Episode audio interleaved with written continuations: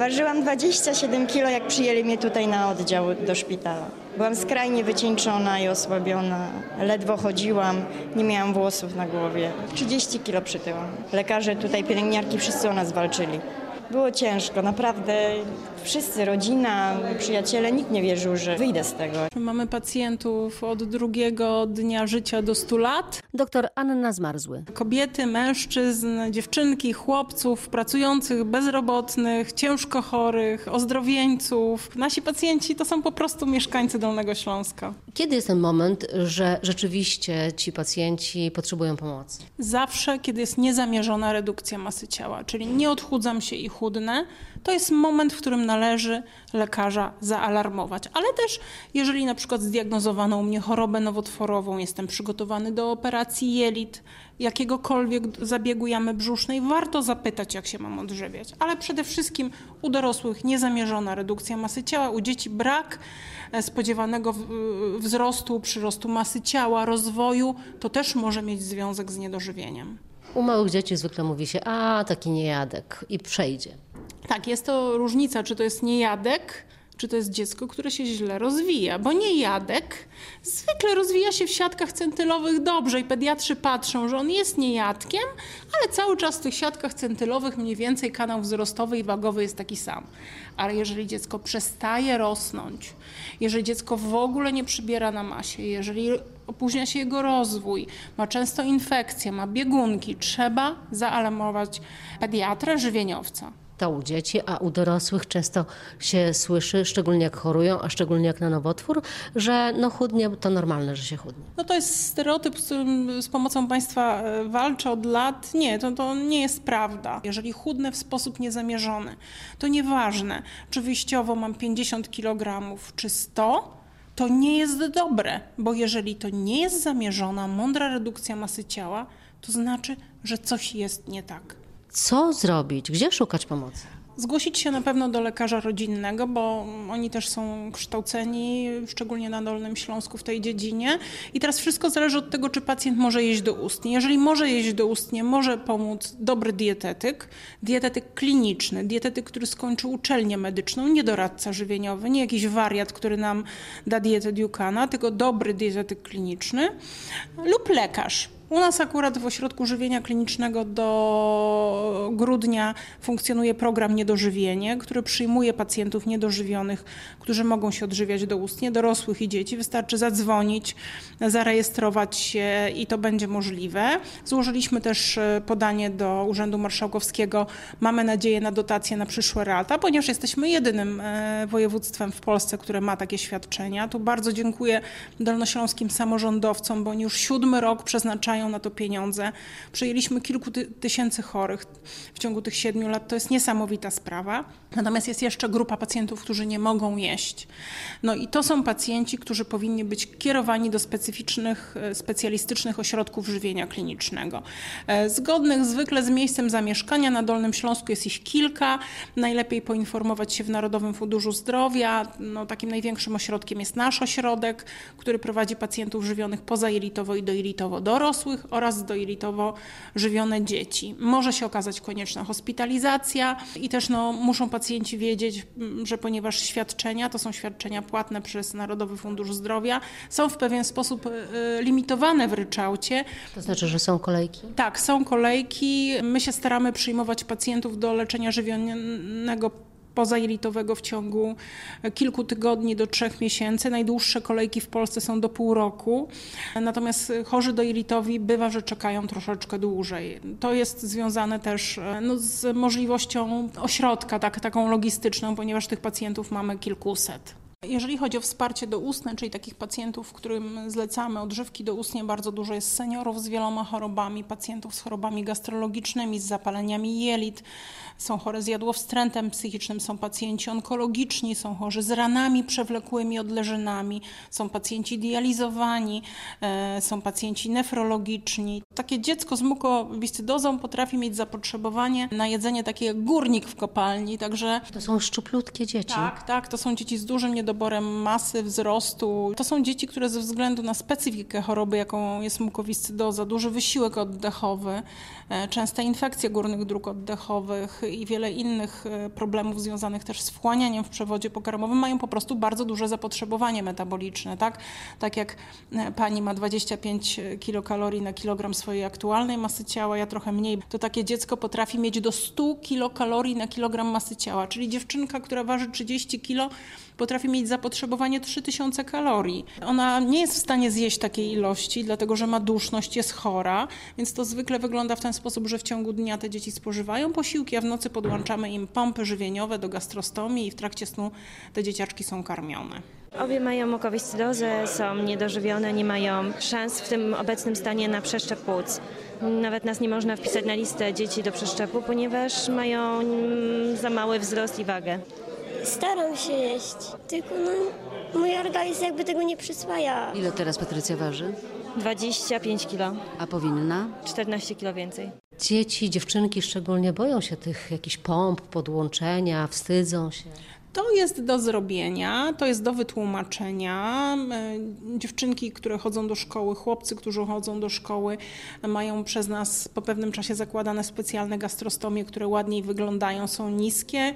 Ja w swojej e, karierze też jako lekarz żywieniowiec mam młode kobiety, młodych mężczyzn z gastrostomiami, z browiakami do żywienia pozajelitowego, którzy mają aktywność seksualną, pracują, zwiedzają świat, pływają na basenie. To tak samo jak pacjenci ze stomią, tak? Ci ludzie są wśród nas i to oni nie są inni, nie są lepsi, nie są y, gorsi, to jest ich rzeczywistość. Tak wygląda ich ciało. O ile jeszcze w szpitalu to wszystko jest refundowane? Jak to wygląda z finansowaniem tego leczenia w domu już? No, niestety mamy bardzo duży problem z finansowaniem odżywek doustnych, bo tylko w nieswoistych zapaleniach jelit u dzieci oraz w mukowiscydozie one są na ryczałt. Natomiast pacjent musi za taką odżywkę codziennie kilka złotych zapłacić. Natomiast żywienie pozajelitowe i dojelitowe, które kosztuje olbrzymie pieniądze, na przykład dojelitowe ponad 2000 miesięcznie, pozajelitowe bywa, że kosztuje 6-8 tysięcy miesięcznie, jest refundowane w całości. Czyli taki pacjent nie kupuje sobie ani gazika, ani linii do kroplówki, ani żywienia, ani igły, nic. Wszystko dostaje transportem ze szpitala. Leczenie żywieniowe w szpitalach to jedno, ale też istnieją programy leczenia, wsparcia osób w domu. Jak to wygląda? Podobnie jak w szpitalu mamy w warunkach domowych dwie możliwości sztucznego żywienia. Żywienie dożylne i żywienie do przewodu pokarmowego, czyli zwane żywieniem doilitowym. Profesor Jacek Sobocki. Pacjent, który nie może się odżywiać normalnie, musi być żywiony w sposób sztuczny, więc w związku z tym ma albo e, możliwość pozostania w szpitalu dożywotnio, albo wyjść do domu i e, wyniszczać się. Szczęśliwie mamy w Polsce od wielu lat programy żywienia domowego, a w związku z tym taki pacjent kierowany jest do ośrodków zajmujących się żywieniem sztucznym. W Polsce stworzyliśmy sieć ośrodków żywienia sztucznego. W Polsce pacjenci na sztucznym żywieniu, zwłaszcza na żywieniu dożylnym, przeżywają wiele, wiele lat, po 30 lat i więcej. Ale panie profesorze, to jest tak, że rodzina, która dowiaduje się, że ma zabrać swojego bliskiego ze szpitala do domu, jest przestraszona, przerażona i kompletnie nie wie, jak się nim zajmować. Boi się też tego, że nie poradzi sobie w domu sama. To prawda, może być taka sytuacja, natomiast kształcimy lekarzy, kształcimy zespoły medyczne, kształcimy zespoły żywieniowe w szpitalach, aby do takiej sytuacji nie dochodziło. Kształcicie rodziny? Rodziny także kształcimy, ale nie e, na poziomie ogólnym, natomiast kształcimy rodziny w momencie, gdy do nas trafią. Postępowanie wygląda w ten sposób. Lekarz prowadzący kieruje pacjenta do nas razem z rodziną. Wtedy pacjent jest kształcony, rodzina jest kształcona, aby w sposób bezpieczny, komfortowy i mógł pójść do domu z żywieniem tak, aby nie było powikłań tego żywienia. Wiele osób po prostu jest tak tym przestraszona, że ma zabrać e, mamę, tatę, babcię do domu i zmieniać te sądy, że, że wiele osób po prostu jakby unika tego, odwleka ten moment zabrania właśnie bliskiej osoby ze szpitala. Strach ma wielkie oczy. To, czego nie rozumiemy, tego się boimy. To, o czym nie wiemy, tego się boimy. A w związku z tym rozmowa, y, rozmowa rodziny z profesjonalistą pozwala te obawy y, anulować. Natomiast mam jeszcze drugi problem. No, jest rzeczywiście problem pewnych, pewnego kryzysu etycznego. Nie każda rodzina chce się swoją, swoimi bliskimi zajmować, ale to jest już zupełnie odrębny problem, na który no, my nie mamy wpływu. My staramy się oferować opiekę medyczną, żywienie medyczne na jak najwyższym poziomie. W Polsce jest wspaniale, jeżeli chodzi o ekspertów i ośrodki eksperckie. Natomiast e, no, dalecy jesteśmy od ideału. Aktualnie w żywieniu domowym mamy trzy marzenia. Pierwsze nasze marzenie to jest to, żeby opieka żywieniowa nad pacjentem w domu mogła być tak finansowana u pacjentów dorosłych, jak, i u, tak jak jest finansowana u, pacjent, u dzieci, u pacjentów pediatrycznych. Przede wszystkim, abyśmy mogli pacjentom żywionym w domu, szczególnie żywionym dożylnie, mogli zaoferować pompy do, mobilne do żywienia, znaczy żeby ci pacjenci mogli puszczać dom. Drugim naszym marzeniem jest, aby pacjenci na żywienie domowe nie musieli oczekiwać A teraz czekają, tak? a teraz czekają. Czasem nawet pół roku i dłużej w niektórych województwach. Chcielibyśmy doprowadzić do tego, aby żywienie nie było procedurą limitowaną. O ile na pewne zabiegi medyczne można oczekiwać, o tyle na żywienie nie, nie, nie powinno się oczekiwać. To jest podstawowe prawo, prawo pacjenta. Mam wrażenie, że też dość trudny jest dostęp do leczenia, jeśli chodzi o anoreksję. Jest bardzo zły dostęp do leczenia żywieniowego w anoreksji. Wynika on z modelu skonstruowania opieki psychiatrycznej w Polsce. Bardzo często szpitale i oddziały psychiatryczne są mm, w osobnych szpitalach, nie są dofinansowane, nie ma pieniędzy na zatrudnianie lekarzy żywieniowców, którzy mogliby prowadzić leczenie żywieniowe. W szpitalu, w którym pracuję, akurat jest oddział psychiatrii dziecięcej i to jest szpital, który ma oddziały pediatryczne, ma poradnię żywieniową, więc my takiego problemu nie mamy. W trakcie hospitalizacji pacjentka otrzyma leczenie żywieniowe, tylko że wiemy, że na to się czeka. Takich miejsc jest mało. I tutaj zdecydowanie to kuleje bardzo. Kuleje bardzo poradnictwo żywieniowe. To są też bardzo trudne pacjentki do żywienia. Nie mamy takiego konsyliarnego stylu leczenia w tej chorobie w Polsce. Takie są moje obserwacje. A tymczasem moda na odchudzanie i na tą sylwetkę taką szkieletowatą wręcz prawie no, trwa, szczególnie u dziewczynek. Psychogenne zaburzenia odżywiania mają olbrzymie żniwo.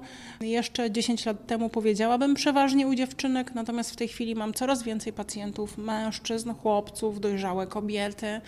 I te psychogenne zaburzenia odżywiania, które bardzo często mają też formy mieszane, nie jest to sam jadłowstręt, to przychodzi często w bulimie czy w inne formy odżywiania, są bardzo trudnymi do leczenia jednostkami chorobowymi. Ośrodek żywienia klinicznego w szpitalu przy ulicy Koszarowej ma już 10 lat. Tak, skończył w styczniu 10 lat. Dzięki życzliwości zarządu szpitala, moich kolegów, lekarzy, pielęgniarek, dietetyków, farmaceutów, laboratorium, bo to jest szma, sztab ludzi, rozwinął się przez te 10 lat bardzo. Na bazie tego ośrodka powstał też program Niedożywienie. Największy sukces tego ośrodka? Powinnam powiedzieć, że pacjenci. Natomiast oni są olbrzymim sukcesem i dodają nam skrzydła. Natomiast ja uważam, że największym sukcesem tego ośrodka są ludzie, personel medyczny, który się przez ten ośrodek przewinął, przewija, który w nim pracuje, e, który ma cierpliwość do tych chorych, który pełni dyżur pod telefonem, który uczy się leczenia ży- żywieniowego, znosi moje humory. Tak, zdecydowanie.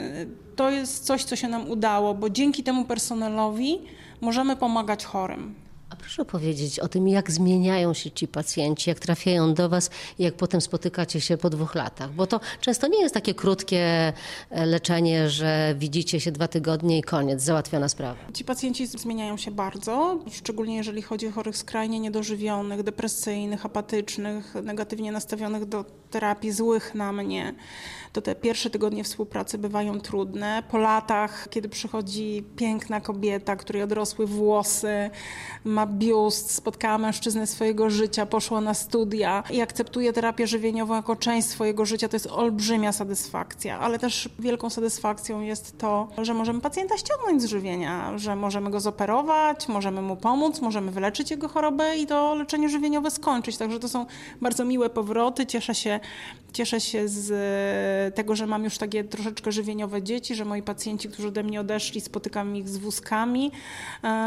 Cieszę się, że wielu moim chorym e, zapewniliśmy takie godne odejście, bo towarzyszyliśmy im też w tych ostatnich miesiącach tygodnia życia. No, wy się zżywacie po prostu. Tak, tak, zżywamy się, bo mamy mm, dobre, mamy złe chwile, bo to wiadomo, jesteśmy wszyscy ludźmi, to jest tygiel charakterów, natomiast bardzo się zżywamy z naszymi chorymi. Ilu pacjentów przewinęło się przez ośrodek? O, przez ośrodek myślę, że tysiące. Aktualnie w terapii żywieniowej jest prawie 200 osób. Czego potrzebujecie, żeby dobrze funkcjonować? Mamy bardzo dużo. Potrzebujemy przede wszystkim więcej personelu medycznego, więcej pomieszczeń i gigantyczny kontrakt. Moi szefowie się śmieją, żebym sobie chciała taki drugi Sky Tower wybudować i zasiedlić żywieniem. To ja właśnie potrzebuję taki Sky Tower.